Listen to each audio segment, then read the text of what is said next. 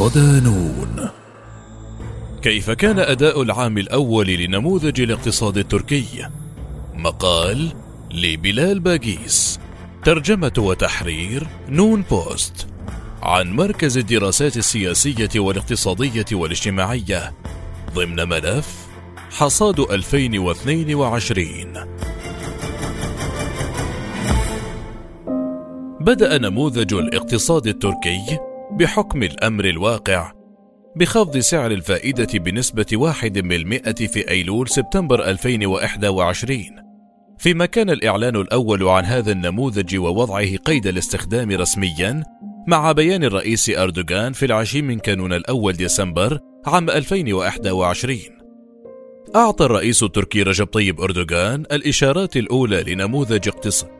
الإشارات الأولى لنموذج اقتصادي جديد في مقابلته على قناة TRT في الثلاثين من تشرين الثاني نوفمبر سنة 2021 ومن ناحية أخرى أطلقت وزارة الخزانة والمالية اسم النموذج في بيانها الصادر في السادس عشر من كانون الأول ديسمبر سنة 2021 وأكدت أن جميع المؤسسات ستدعم هذا النموذج بطريقة شفافة يمكن التنبؤ بها وأن جميع الأدوات ستستخدم بشكل فعال في هذا الاتجاه بالتنسيق مع السياسات النقدية والمالية.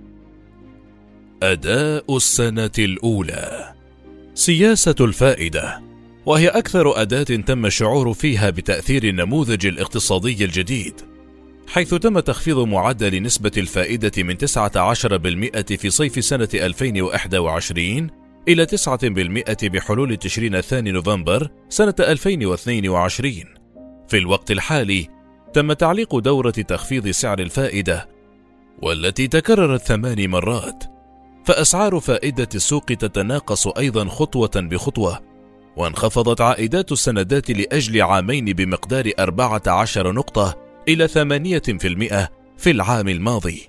وكذلك انخفضت أسعار الاقتراض من الخزانة لأجل عشر سنوات إلى أقل من 9% أيضا فسياسة القرض الانتقائية الجديدة في نطاق نموذج الاقتصاد التركي لا تقل أهمية.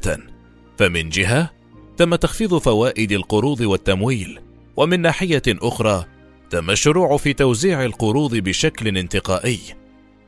بحيث لا يكون للسيولة الرخيصة والتمويل المقدم تأثير تضخمي على الاستهلاك. وتوجيه هذه القروض إلى الاستثمار والإنتاج. وبناء عليه بدلا من القروض المخصصة للاستهلاك التي تضخم الأسعار والواردات والديون تم إعطاء الأولوية لقروض الإنتاج والتوظيف والاستثمار. وعززت استراتيجية الليرة وبرنامج الودائع المحمية بالعملة المستخدمة لهذا الغرض بشكل كبير من قيمة العملة الوطنية. فمن خلال استراتيجية الليرة تم منع الدولرة والمضاربات والتلاعبات على سعر الصرف والتشجيع على التعامل بالعملة الوطنية. وأصبح تطبيق الودائع المحمية بالعملة الأداة الأكثر أهمية في نموذج الاقتصاد التركي من خلال تعزيز الثقة في العملة الوطنية والاستقرار المالي.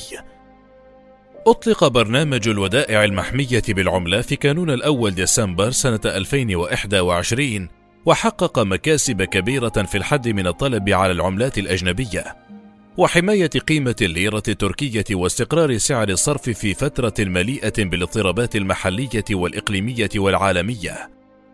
وبهذه الطريقة ومن خلال تمديد آجال استحقاق ودائع الليرة في هذا البرنامج تم تعزيز الاستقرار المالي والنظام المصرفي.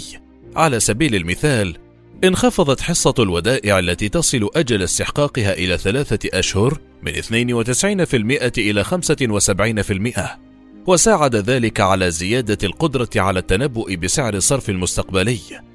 وتجاوزت ودائع الليرة التركية بعد مدة طويلة ودائع العملات الأجنبية حيث تم تخفيض حصة الودائع بالعملات الأجنبية من إجمالي الودائع من أكثر من 60% إلى أقل من 50%، وتمت زيادة حصة ودائع الليرة التركية إلى 52%، وانخفضت الودائع بالعملات الأجنبية من 261 مليار دولار إلى 228 مليار دولار.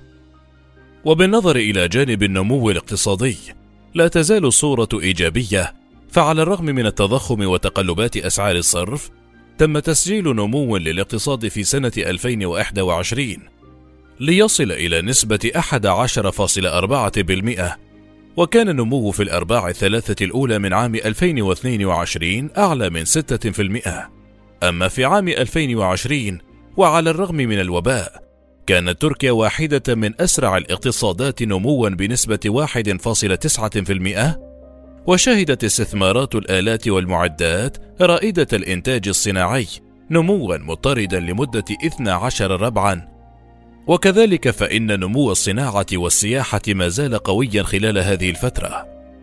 وفي هذا النموذج الاقتصادي تفضل تركيا الإنتاج والتوظيف والاستثمار والصادرات وعلى الرغم من عدم الاستقرار العالمي وفترة التضخم والركود حطم الاقتصاد التركي أرقاما قياسية في الصادرات ب 253 مليار دولار. من جهة أخرى لا تزال العمالة قوية. حيث تجاوز إجمالي العمالة الرقم التاريخي البالغ 30 مليون على أساس 31.6 مليون وظل معدل البطالة عند 10% بالنسبة للعجز المزدوج من المتوقع أن يكون المسار إيجابيا في الفترة المقبلة ففي حين أن بيانات الشهر الماضي عن عجز الميزانية إيجابية فإن عجز الحساب الجاري وعجز التجارة الخارجية يتزايدان ومع ذلك من المتوقع أن تتحول هذه البيانات الكلية إلى أرقام إيجابية مع المسار الأفقي لأسعار السلع الأساسية وأسعار الطاقة واستقرار سعر الصرف.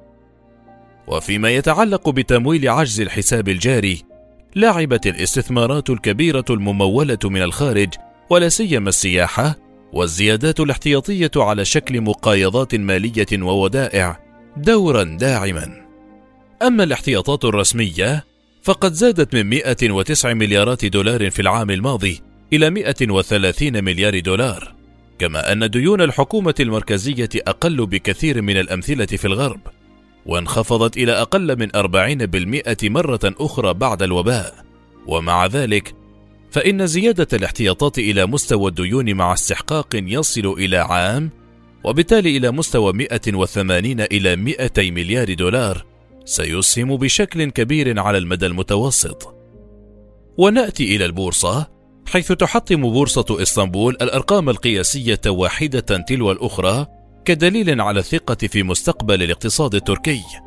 ففي العام الماضي لوحظت زيادة تصل إلى 2.64 مرة وبينما كان مؤشر بورصة إسطنبول 100 بيست 100 عند المستوى 2056 نقطة في العشرين من كانون الأول ديسمبر سنة 2021 فقد وصل إلى مستوى 5419 نقطة في كانون الأول ديسمبر في سنة 2022 وبالنظر إلى مستويات التضخم ارتفعت معدلات التضخم بشكل حاد بسبب المزيد من الانقطاعات المفتوحة في سلسلة التوريد وتحركات أسعار السلع والطاقة وارتفاع أسعار الطاقة والغذاء بسبب الحرب وتأثير سعر صرف العملة المحلية وربما الأهم من ذلك تدهور التوقعات.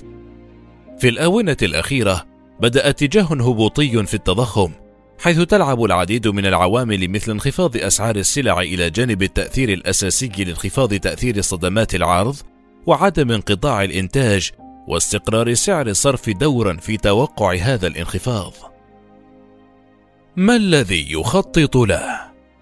يهدف نموذج الاقتصاد التركي إلى إنقاذ اقتصاد تركيا من دوامة معدل الفائدة والديون وسعر الصرف والقضاء على الاقتصاد التركي القائم على نظام الرع وجني الأموال من المال وتوزيع ما ينتجه الاقتصاد على جميع السكان بشكل أكثر انصافا وشمولية. لهذا الغرض بني هذا النموذج الجديد على اقتصاد قائم على التصدير والإنتاج والتوظيف والمزيد من الاستثمارات الجديدة والانفتاح على الأسواق الخارجية. لذا في فترة يضطر فيها العالم بأسره إلى الاختيار بين الركود أو عدم اليقين تحت قبضة التضخم وأسعار الفائدة وأسعار الصرف. من المهم ضمان الاستقرار الكلي والمالي في البلاد. إن نموذج الاقتصاد التركي يهدف إلى التعبير عن الرؤية التي تحتاجها تركيا بأسسها الاقتصادية وبنيتها التحتية القوية ورأس المال البشري المتعلم والشاب. كذلك النجاح الذي يتعين تحقيقه في الاستقرار المالي الكلي في العام الجديد نتيجة هذا الأداء في العام الماضي مهم من حيث تحقيق فائض الحساب الجاري وأهداف التنمية المستدامة.